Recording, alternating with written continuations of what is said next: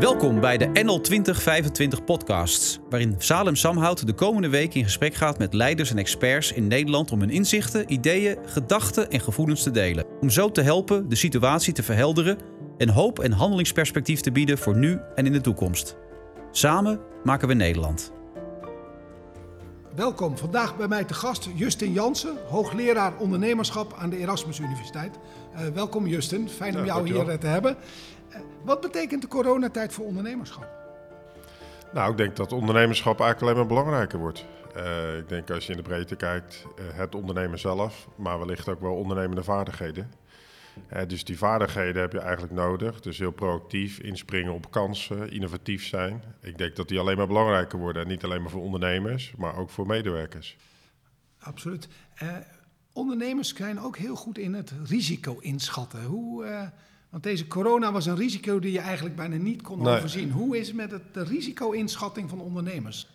Nou, ik denk op zich wel, eh, wel goed. En ook risicobereidheid natuurlijk, die is eh, vrij hoog. Maar dit is inderdaad een crisis die denk ik helemaal niemand heeft zien aankomen. En vandaar dat het denk ik ook eh, nu op deze manier de wereld overgaat. Ik denk wel dat je ziet dat ondernemers niet bij de pakken neer gaan zitten, maar echt wel proberen om te overleven. Dat is één. Maar ook echt wel weer durven vooruitkijken van wat betekent het nou voor mijn bedrijf? Hoe kan ik mijn bedrijf gaan aanpassen aan het nieuwe normaal waar we het steeds over hebben? Ja, en hoe kan ik ook zorgen dat mijn medewerkers hun baan behouden? Ja. Wat je heel veel van eh, mensen die ik interview, die zeggen... eigenlijk deze crisis, eh, de, de bedrijven die een goed businessmodel hadden... en die goed waren voor de crisis, die zullen ook na de crisis wel weer overleven. De bedrijven die dat niet hadden, die gaan nu zeker kapot. Wat is jouw beeld daarover? Ja, dat beeld dat heb ik eigenlijk ook wel een beetje. Dus je zag en je ziet nu ook wel, het is niet allemaal kommer en kwel deze crisis. Er is natuurlijk heel veel online nu eh, eh, bezig en die bedrijven gaan ook best wel goed. Dus ik denk deze crisis laat wel zien dat de beweging die we, waar we al in zaten, dus de beweging naar meer online, naar nieuwe verdienmodellen, dat die nu alleen maar versneld wordt. En dat betekent dus ook dat bedrijven die al bezig waren met meer online eh, dienstverlening of online producten aanbieden, ja, dat die nu versneld eigenlijk eh, vooruit gaan. Terwijl bedrijven die daarin achterliepen, eh, nu echt inderdaad eh, met, eh, met het water aan de lippen staat. En die versnelling gaat alleen maar door. En ik geloof ook zeker wel dat ja, bedrijven inderdaad die, die die sprong nog niet hadden gemaakt naar voren met, met die nieuwe verdienmodellen, dat we daar heel versneld afscheid van gaan nemen. Wat is je advies aan die ondernemers die niet mee zijn gegaan? Hun businessmodel was al kwakkelend voor de crisis. Wat is je advies wat die bedrijven nu moeten doen? Ja, dat wordt natuurlijk heel moeilijk, hè, want eh, veel bedrijven zitten toch in eh, acute problemen. Ik denk nog wel dat je ziet met de overheidssteun, met name voor de medewerkers dan, dat ze nog wel eh, aan een soort van infuus liggen en daarmee nog wel in, in stand gehouden kunnen worden. Ik zou wel inderdaad, de urgentie is nu natuurlijk extreem hoog en probeer er ook gebruik van te maken in die zin dat je nu echt gaat nadenken, ja, hoe gaan wij ons bedrijf in de toekomst eh, succesvol maken? Welke veranderingen zijn echt noodzakelijk nu? Eh, want anders ga je het niet meer overleven. En die urgentie die was er misschien al, alleen het werd niet zo gezien, omdat de economische tij best hoog was in het verleden. De afgelopen twee jaar zaten we toch best wel met, eh, met eh, behoorlijke groei. Dan, dan voel je het ook minder dat je niet echt heel goed bezig bent, want je, je omzet gaat toch door. Ja, en nu is de urgentie natuurlijk extreem hoog. Dus probeer goed na te denken met elkaar, met je team, maar ook met, eh, met samenwerkingspartners. Om te kijken van hoe moeten we nu fundamentele veranderingen gaan doorvoeren. Om ook in de toekomst die waarde aan te kunnen bieden waar klanten op zitten te wachten. En durf je ook tegen ondernemers te zeggen: het is soms ook beter gewoon te stoppen? Nou, dat denk ik zeker. Kijk, eh, voor sommige bedrijven waar het echt al minder ging of, of eh, kwakkelend ging, ja, daar moet je nu echt goed nadenken van gaan we deze sprong maken? Wat hebben we daarvoor nodig? Hebben we daar ook de juiste capaciteit voor? Dus wat je vaak ziet bij dit soort bedrijven, is dat ze ook wel de kwaliteit in het managementteam missen om die stappen te kunnen zetten. Eh, heb je daar ook wel de, eh, de energie nog voor op dit moment? Eh, want anders kan je inderdaad beter stoppen en misschien met iets nieuws beginnen. Zonder dat je eigenlijk het verleden nu meeneemt met de crisis en alles wat eh, bij hoort. Als je gewoon naar de economische krimpcijfers luistert, dan weet je ook gewoon dat 7% krimp, of misschien nog wel meer, tot hoeveel faillissementen of tot hoeveel stoppen van bedrijven gaat het? Hoeveel procent eh, schat jij in dat gewoon moeten gaan stoppen? Komende drie tot zes maanden. Nou, dat vind ik best, eh, best moeilijk eh, om dat nu te bepalen. Ik denk wel dat je het. dat behoorlijke aantallen gaat worden. Het hangt er wel namelijk van af hoe deze crisis zich nou verder gaat vertalen. Uh, of dat het nu al voor de zomer echt duidelijk beter gaat of niet. Ik denk dat da dat een hele belangrijke gaat worden. Want als het nog na de zomer doorgaat op de manier zoals het nu gaat, dan, dan gaan we echt grote aantallen zien. Kijk, als je naar MKB keek, ook afgelopen jaar, dan zagen wij dat de helft van Nederlandse MKB-bedrijven groeit. De andere helft dus niet. Uh, en dat waren nog economische hoogtijden. Dus ik zou wel denken dat in ieder geval de helft van het Nederlandse MKB, ja, die deden het al niet echt super. Uh, en nu zitten we in deze crisis, dus ik denk dat daar weer de helft, dus zeker een kwart, die nu al in de gevarenzone zit. En ja, ik denk wel, als ik om me heen kijk, uh, veel medewerkers hebben dat eigenlijk nog helemaal niet door. Dus de, je hebt nu natuurlijk met de overheidsmaatregelen, met name voor de salarissen van medewerkers, die worden doorbetaald. Dus ik denk dat heel veel medewerkers, uh, ook bij de wat grotere bedrijven, maar misschien ook grote MKB, eigenlijk nog helemaal niet doorhebben uh, wat er op dit moment aan de hand is. Ja. Ja, dus die, die zullen dadelijk ook, denk ik, als de, de overheid zich langzaam gaat terugtrekken, ja, dan gaan die uh, faillissementen, denk ik, flink omhoog. Dus de medewerkers moeten zich eigenlijk al in hun mind echt gaan voorbereiden dat het ook voor hun veel kan betekenen. Nou, ik denk dat inderdaad, maar dit is, vind ik ook wel een hele belangrijke taak van het management, dus van de ondernemer. Dus ik denk dat ondernemers die misschien nu ja, moeten gaan nadenken over de toekomst, maar dat communicatie richting de medewerkers uh, en het meenemen van je medewerkers uh, door deze crisis heen dadelijk en ook het besef dat er toch wel mindere tijden aan gaan komen en dat het kan betekenen dat je ook moet gaan inkrippen, bijvoorbeeld voordat je weer kan gaan groeien als bedrijf zijnde. Ja, dat dat ook een hele belangrijke is. Hè? Dus communicatie en ja, mensen moeten zich wel gehoord voelen en begrijpen dat we nu door een hele aparte situatie gaan als ondernemers. Denk jij, mijn, mijn zoon Jip schreef uh, gisteren in het FD dat er een nieuw psychologisch sociaal contract tussen werkgever en werknemer komt. En dat de werknemer mogelijkwijs ook wel niet meer moet, alleen maar moet praten van een salarisverhoging, maar ook over salarisverlaging zou moeten praten. Hoe is, hoe is jouw perspectief daarop? Nou, op zich zouden we daar denk ik best wel eens uh, over na kunnen gaan denken. Hè? Dus zij, dit zijn wel extreme tijden natuurlijk. Hè? Dus ik zou inderdaad willen zeggen van meer zaken worden nu wat meer vloeibaar. Uh, en dit soort nieuwe uh, constructies, ja, daar kan je zeker over nadenken. Uh, als het echt gaat om, om de banen die we dadelijk gaan verliezen, die zullen behoorlijk zijn. dus wat mij betreft laten we het zeker kijken hoe we op allerlei manieren. ik begon net over die ondernemende vaardigheden bij de medewerkers, die ook heel belangrijk zijn. Ja, ook meer ondernemen denken als medewerker en misschien daarin ook zelf wat meer risico durven nemen. ja, kan ik alleen maar toejuichen. En ik, ik, denk een hele grote groep in Nederland doet het al, want dat zijn de ZZP'ers. Ja. dus die nemen al heel veel risico's, eigenlijk ook financieel zelf. En die gaan dat nu ook voelen. dus die hebben dat uh, positief gevoel, denk ik, in de goede tijden. Maar die nemen nu uh, natuurlijk ook weer meer financiële risico's in, in de huidige tijd. In jouw context zijn ZZP'ers nou ondernemers of ondernemende personen? Ja, het zijn meer personen natuurlijk. Hè. Dus ik zie voor mij is ondernemen wel dat je in ieder geval met een team of met een aantal mensen maar goed, dat doen sommige eh, ZZP'ers ook wel. Hè, dat je naar een bepaald doel werkt en uiteindelijk ook een, bedrijf zou willen laten groeien. En dat zijn voor mij de schoolvoorbeelden ondernemers.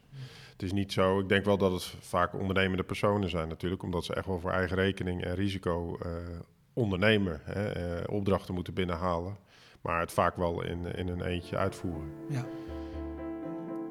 laten we eens nu, want dit is de, de, de krimp, dit is de ellende die we, die we allemaal gaan zien. Maar er zijn natuurlijk nu ook groeiondernemingen die enorm groeien. Wat kunnen we uit deze groeiondernemingen nu leren? En wat, hoe zie je hen nu opereren, deze groeiondernemers? Ja, die groeiondernemers, uh, ik denk dat dat een hele speciale groep is sowieso. Dus uh, wij doen veel onderzoek naar snelgroeiende bedrijven. Nou, dat is ongeveer uh, eh, 5% van het Nederlandse bedrijfsleven is een snelgroeiend bedrijf die hebben op de een of andere manier een verdienmodel weten te ontwikkelen. En die kunnen ook het bedrijf zo aansturen dat ze om kunnen gaan met al die uitdagingen van die snelle groei. Ja. Nou, je ziet dat heel veel bedrijven nu in de huidige crisis nog eens versneld zijn gaan groeien, omdat blijkbaar ze al vooruit liepen in het verdienmodel. Welke bedrijven heb je het dan over? Nou, je, ja, je ziet allerlei bedrijven natuurlijk. Hè. Wij maken ook die top 250 groeibedrijven ja. van de snelst groeiende bedrijven van Nederland. Uh, daar was dit jaar de winnaar uh, Takeaway, thuisbezorgd. Ja. Uh, ja, je voelt al aan, die groeien nog sneller nu, ja. omdat mensen nu veel online eten bestellen. Hetzelfde geldt voor bijvoorbeeld Picnic, online supermarkt die bij ons hoog in de lijst stond. Ja, die groeien ook nu nog veel meer. Die kunnen de groei eigenlijk helemaal niet meer aan. dus ik denk wel dat dit soort bedrijven, dat blijkt ook wel het onderzoek, die helpen vaak economie ook uit de crisis. Dus die zorgen ook weer voor vernieuwing in de keten. Hè, die, die zetten ook andere bedrijven aan om mee te vernieuwen met hen. Dus in die zin spelen groeibedrijven een hele belangrijke rol. Niet alleen maar voor zichzelf en de medewerkers, maar ook voor het hele systeem en, uh, ja, en de, de, de keten waarin ze actief zijn. Uh, ja, goed, aan de, aan de andere kant zijn heel veel van die groeibedrijven ook best wel kwetsbaar. Uh, in die zin dat ze vaak hoog aan de wind zeilen. op cashflow. En als die enigszins afneemt op dit moment, waar je ook wel snel groeiende bedrijven ziet, ja, komen ze ook heel snel in de problemen. Ze hebben vaak geen grote buffers. En als je keek in ieder geval naar de, de overheidsmaatregelen, vielen ze daar ook vaak tussen wal en schip. Hè, dus ze, als jij bijvoorbeeld afgelopen jaar 50, 60 procent bent gegroeid omdat het zo goed ging... en nu ineens een afname hebt van 30 procent, zit je wel in acute problemen. Uh, maar val je volgens de overheid niet uh, in die groep voor de steun, omdat je geen uh, negatieve omzetgroei hebt ten opzichte van vorig jaar. Maar die bedrijven zitten wel voor in de problemen, omdat ze een liquiditeitsprobleem hebben. Dus er kunnen hele succesvolle groeibedrijven nu ook kapot. Ja, en ik denk dat we daar voor moeten waken. Hè. Dus wat mij betreft. Welke bedrijven heb je dan in je hoofd als je over deze groep praat? Ja, ik denk veel bedrijven die ook uh, behoorlijk snel groeien. Bijvoorbeeld, uh, ik weet niet of dat het zo is, maar als je in de fitness uh, zit, fitnessketens groeiden heel snel. misschien in de horeca, als daar snel groeiende bedrijven met nieuwe concepten waren die heel succesvol waren ja, die, die zijn nu dicht. Hè? Dus, maar ja, het ligt er een beetje aan hoe snel je afgelopen jaar bent gegroeid. Dus ik denk dat als je kijkt naar de, de overheidssteun, nu krijgt iedereen steun in principe als je, als je je omzet sterk is gedaald. Ja, de vraag is of dat je daarmee ook dus bedrijven in stand houdt die toch wel niet goed deden. En waarschijnlijk ook niet overleefd hadden, zelfs zonder coronacrisis. Uh, maar juist die snelgroeiende bedrijven die ons gaan helpen om uh, zo snel mogelijk uit de crisis te komen. Ja, ik denk dat we daar echt, echt veel meer aandacht voor moeten hebben. En zorgen dat die in, in leven blijven. Want die zijn gewoon gezonde bedrijven zijn dat. Alleen nu hebben ze liquiditeitsproblemen waar ze weinig aan Wat denk je van de banken? Gaan die, die bedrijven helpen? Hoe, hoe is jouw vertrouwen in de banken om uh, ons in deze tijd nou, banken zijn altijd best terughoudend. En ik hoor ook wel hier en daar dat zelfs met de garantiestelling van de overheid... banken nog niet heel voortvarend zijn met, met het geven van krediet aan ondernemers. Dus uh, ik vind wat dat betreft dat, dat banken nu echt wel stappen mogen gaan zetten. En ook echt moeten laten zien.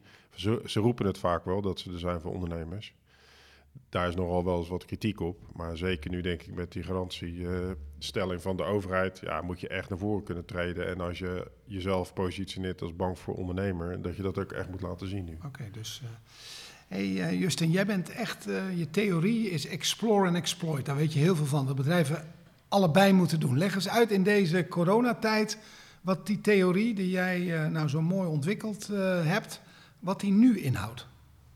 Ja, ik denk dat die ook belangrijk is in die zin. Hè. Dus wij kijken al een aantal jaar naar bedrijven die zowel uh, gericht zijn op vandaag uh, en bijvoorbeeld winstgevendheid uh, willen genereren, productiviteit willen verhogen, maar tegelijkertijd ook investeren in de toekomst.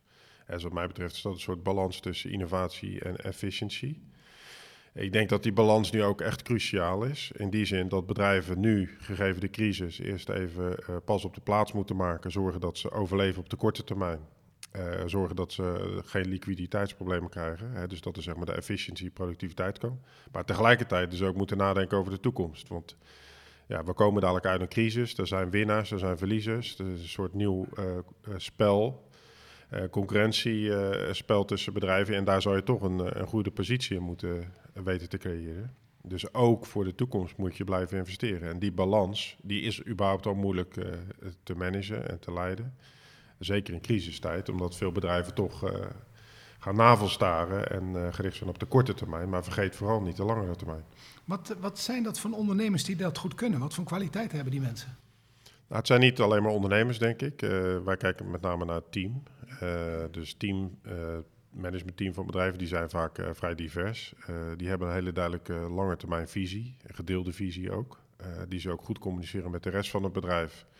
En die visie die vertegenwoordigt ook wel zowel de korte als lange termijn. dus dat zijn geen bedrijven die alleen maar gericht zijn op winstgevendheid, maar met name ook op de langere termijn uh, waardecreatie. Uh, ze werken ook goed samen. Dat komt dus met name door die, door die lange termijn visie. En je ziet ook vaak dat ze wat meer gedeelde beloning hebben. Dus de beloningen die mensen krijgen, niet alleen het team, maar ook de medewerkers vaak in het bedrijf, die hangt samen met de prestaties van het gehele bedrijf. Dus dan krijg je geen eh, individualistisch gedrag, maar meer een collectieve ambitie om uh, voor de lange termijn succesvol te worden. Welke spanning zit in dat soort bedrijven? Want dit zijn de mooie dingen die je omschrijft. Wat, wat zit er... Nou, de grootste spanning is natuurlijk altijd dat uh, de korte termijn gaat overheersen.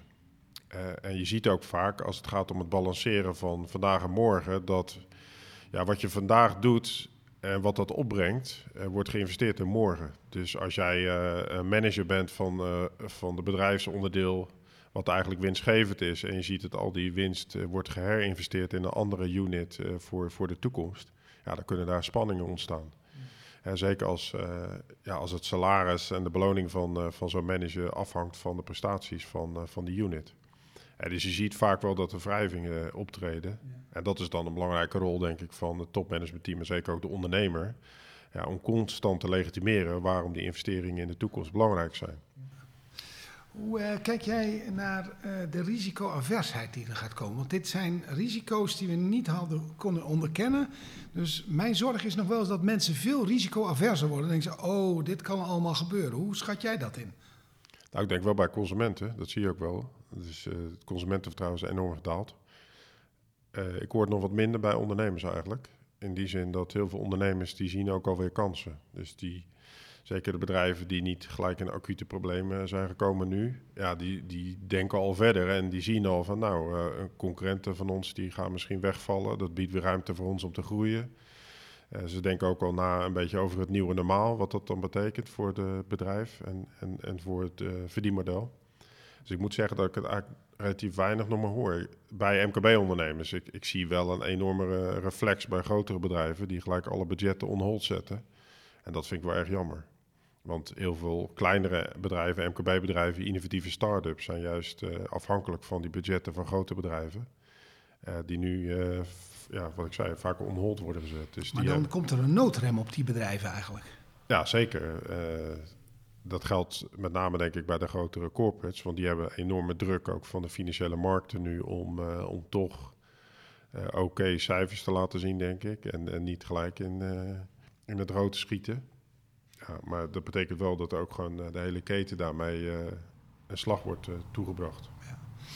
Wat zou jij nu de ondernemers willen investeren? Die, die bedrijven die in, in, nou, gewoon in potentie gewoon gezond zijn.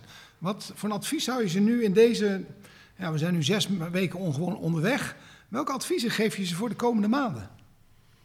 Nou, ik denk dat uh, veel bedrijven misschien ook wel worstelen eigenlijk met het uh, wijgevoel van het bedrijf. Hè? Dus dat zijn, uh, als je kijkt naar die succesvolle bedrijven, die investeren vaak ook heel veel in sociale netwerken, het samen zijn, gedeelde waarden, collectief groepsgevoel. Ja, en dat op de een of andere manier moet je dat nu ook zien aan te kunnen sturen. Dat die wel blijft, ondanks dat de meeste mensen nu thuis zitten te werken. Ja. Dus ik zou zeker ook ja, goed nadenken voor hoe kunnen we nou zorgen dat dat groepsgevoel en die collectieve ambitie, dat we die kunnen handhaven. Uh, ja, met de nieuwe manier van werken die we hebben. En ik hoop ja, dat het relatief snel naar de normaal gaat. Maar ik ben bang dat ze nog wel een tijdje het wordt gescheiden... is unusual, hè? Dat uh, ja, hoor je nu steeds zeggen. Met alle kantoortuinen, die zijn geloof ik niet helemaal... Uh, toereikend voor, uh, voor het nieuwe normaal. Ik denk dat dan een hele belangrijke is dat, uh, ja, dat je mensen echt blijft betrekken bij je bedrijf. Dat, dat was in het verleden natuurlijk ook belangrijk, maar dat zou je nu op een andere manier moeten doen. Ja, je zei net voor de gezonde bedrijven, dus het gaat al relatief goed, denk ik. ja, en gewoon vooruit blijven kijken. En ik denk ook zeker voor de toekomst, dit zal, wat ik begrijp in ieder geval van de experts, niet de laatste keer zijn dat we wellicht te maken hebben met dit soort pandemieën ja, dus zorg ook gewoon voor genoeg vlees op de bot. Dat hoor ik ook wel heel veel bij ondernemers. Van, nou, ik ga wel zorgen in de toekomst dat ik uh, wat meer geld uh, achter de hand heb, wat meer liquiditeit. Hè, dus dat zou je ook zeker gaan zien. Ook voor gezonde bedrijven is dat belangrijk. En zorg dat je niet, uh, ja, niet al te veel en hoog aan de wind vaart, maar dat je toch zorgt dat er een buffer het, is. Maar dan komt het risico dat het explore weer minder wordt. Ja, nee, dus bij de snelle groeiers, daar zie je misschien wel dat ze toch wat reëler gaan worden. Uh, maar is ik denk dat wel. Is reëler verstandiger of onverstandiger? Nou, het lijkt mij wel verstandig, denk ik. Het is, uh, ja, bij veel snel groeiende bedrijven zien we nu dat het alsnog best goed gaat. Maar ik denk toch dat uh, je ziet ook wel wat uh, risicomijdend gedrag bij potentiële investeerders. Uh, dus ook daar zie je wel een terugtrekkende beweging. En ook een soort van even afwachten en dan pas weer verder. Dus stel dat het goed gaat, dat wil niet zeggen dat je altijd kan leunen op investeerders. Bijvoorbeeld ook als je weer nieuw geld nodig hebt. Dus misschien moet je ook zorgen dat je zelf toch wat achter de hand hebt. Ja, ja. Hoe gaat het in de universiteit, in die, in die wereld? Wat, wat heeft corona voor effect op jouw universiteit? Nou, het, is, het verbaasde me eigenlijk hoe snel wij de slag hebben gemaakt naar online lesgeven. dus de universiteit is dicht, op één gebouw na geloof ik. Het is, het is vrij rustig. iedereen werkt thuis. maar aan de andere kant hebben we binnen twee weken hebben alle vakken die we geven, zowel de bachelor, master als ook MBA-courses, zijn we naar online gegaan. Dus je ziet daar wel een enorme spirit die, die er was om dat te bewerkstelligen. Normaal gesproken had dat twee jaar geduurd voordat je het voor elkaar krijgt. Misschien nog wel langer. Ik geloof dat we jaren praten over online uh, lesgeven. En we, we, experimenteren hier daar wel een beetje mee. Maar het kwam er nooit echt uh, van de grond. En nu is het in twee weken ineens gedaan. Dat moet toch fantastisch zijn, of ja, niet? Ja, zeker. Dus, uh, en het voelt ook best wel goed. ik denk ook wel dat we het vaker gaan, gaan doen sowieso. Dat het misschien ook wel voor de universiteit betekent. Van, kunnen we hier niet andere markten mee aanboren? die we nu nog niet hadden voorzien. dus qua onderwijs denk ik dat we hele stappen hebben gezet. Uh, onderzoeken lopen op zich ook wel gewoon door. Hè. Je merkt wel dat veel onderzoeken van ons, uh, ja, dat gaat met interactie met de ondernemers. Uh, dus ja, die bereiken we nu weer op andere manieren. Dus op zich, buiten alle evenementen, en dat vind ik wel jammer. Hè. Dus ik ben ook academisch directeur van het Erasmus Center for Entrepreneurship. Nou, dat is echt het belangrijke daarvan is, waar we start-ups helpen, scale-ups om te groeien, snel groeiende bedrijven. Ja, dat is ook de community dus het samenbrengen van mensen, investeerders, eh, grote, kleine bedrijven, eh, studenten. Dus we hadden ja, eh, echt heel veel evenementen daaromheen. Ja, dat is nu allemaal niet. Ja, dat is dus dat is een beetje een dode boel. dus ik hoop wel dat we dat ook weer snel van de grond kunnen krijgen. Ja. Hey, en wat is het effect op de studenten? Wat merk je aan hen? Nou, zij passen zich ook wel heel snel aan, moet ik zeggen. Uh, zij zullen zeker wel ook weer behoefte hebben aan meer directe contacten wat dat betreft maar ook zij eh, hebben zich heel snel aan de situatie aangepast. dus heel veel opdrachten die we, die we ze geven en die we in het verleden gaven en nu nog steeds doen, ja, die maken ze ook allemaal online. dus dat gaat eigenlijk allemaal door. Ik ben wel benieuwd wat dadelijk het nieuwe jaar gaat brengen. We hebben heel veel internationale studenten uh, bij de Erasmus. Dus uh, zeker ook uit Europa, maar ook daarbuiten. Dus ik ben wel benieuwd of dat die blijven komen. En het zou best wel kunnen betekenen dat we misschien nog wel een half jaar online moeten gaan lesgeven, ook vanaf september. Ja, dus dat is een. Uh... jij bent ook lid van NL 2025, NL Groeit. Hoe zie je die community van mensen die de kar uh, willen trekken in Nederland? Hoe zie je die opereren op het ogenblik? Nou, dat gaat ook door. Dus inderdaad allemaal online. Ik, ik, als ik kijk naar. ik, ik ben zelf betrokken bij groei. bij MKB-bedrijven misschien moeten we nog eens kijken ja, hoe kunnen we mensen nou klaarstomen. Uh, en waar ik mee begon met die, met die vaardigheden en, en de skills. Wat voor skills en vaardigheden willen we onze mensen meegeven om ook in de toekomst om te kunnen gaan met dit soort uh, ja, bizarre ontwikkelingen in korte tijd. Hè? Dat mensen zich heel snel moeten aanpassen aan nieuwe situaties. En kunnen we dat niet ergens in ons onderwijssysteem uh, stoppen, zo vroeg mogelijk wat mij betreft.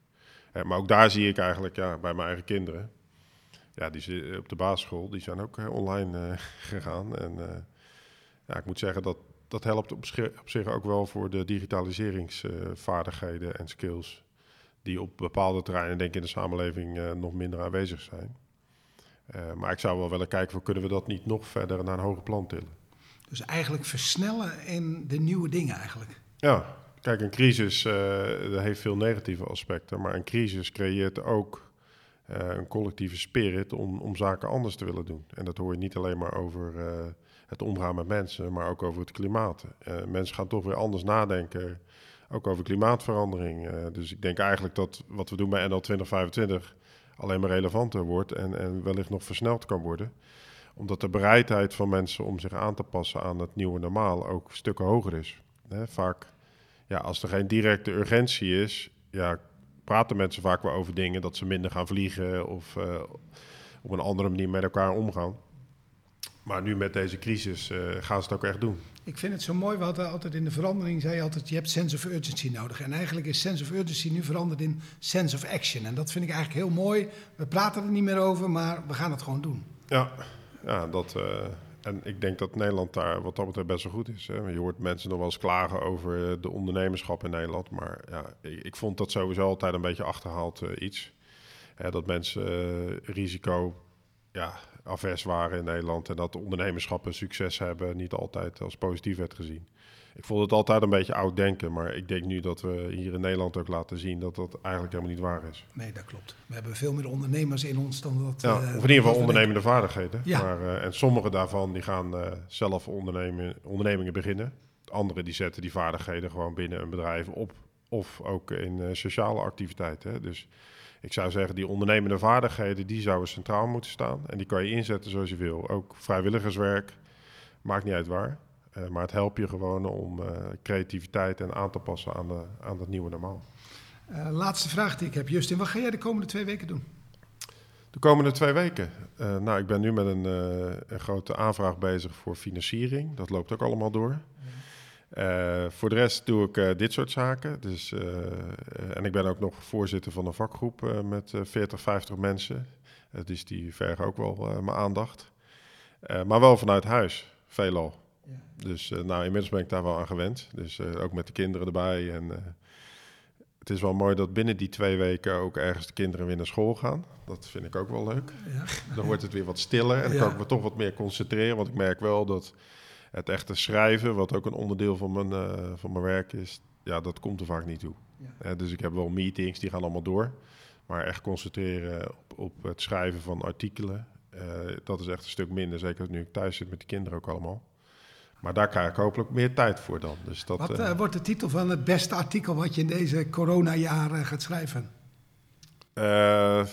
ja, het beste artikel weet ik, dat kan je pas achteraf bepalen. Maar waar ik mee bezig ben, en dat zou ik echt gaaf vinden als dat gaat lukken, is het voorspellen van snel groeiende bedrijven. Uh, dus als ik daar ooit een artikel over kan schrijven die, uh, die wordt geaccepteerd en, en waar mensen ook in geloven uiteindelijk, en dat we ook kunnen laten zien dat het werkt, het algoritme wat we gaan ontwikkelen, nou, dan word ik wel een blij man. Fantastisch. Een blije, blije hoogleraar. Dus een algoritme voor het kunnen voorspellen van de groei van ondernemingen. Ja, dus op basis van allerlei big datasets, dus grote sets aan data, gaan wij algoritmes ontwikkelen en, en laten leren om uiteindelijk groeibedrijven te kunnen gaan voorspellen. Dus het idee zou zijn dat, ja, dat we waarschijnlijk krijgen we meerdere algoritmes. Eentje voor van start-up naar scale-up. Dus wat, hoe zou een start-up eruit moeten zien, het team, het verdienmodel. En hoe zou een, uh, een scale-up of een, een MKB-bedrijf, wat zijn daar de ingrediënten van, zodat die snel kan groeien? Dan gaan we algoritmes ontwikkelen en in principe zouden mensen naar me toe kunnen komen van dit is een start-up die ik heb. Wat is de kans dat die gaat groeien? En dan gaat onze supercomputer uh, daar Wanneer is, klaar? Wanneer is dat klaar, dat algoritme? Ik ben nu al nieuwsgierig. Nou, Zou ik het wel willen hebben? Helaas duurt het wel even, maar de, ik denk binnen vier jaar. Binnen vier jaar? Kan niet binnen twee jaar? Nou, we gaan ons best doen. Nu kan alles. Nu kan alles. Ik hoop dat de crisis leidt dat jouw algoritme misschien al over een jaar op de markt is. Ik merk wel dat we sneller toegang krijgen tot de data die we willen. Dus wat dat betreft eh, helpt dat misschien ook wel. Nou, geweldig uh, Justin. Uh, dankjewel. Je laat zien dat je zelf ook ondernemende denker bent. Dus uh, dankjewel voor dit gesprek. Ja, dankjewel. Leuk. NL 2025 is een diverse beweging waar honderden aanjagers vanuit onder andere het bedrijfsleven, kunst en cultuur, media, sport, onderwijs en wetenschap zich op persoonlijke titel inzetten voor een mooiere toekomst voor Nederland voor de huidige en toekomstige generaties. En dat doen we vanuit het pay it forward principe. Ik doe iets voor jou en dan geef jij het weer door aan iemand anders.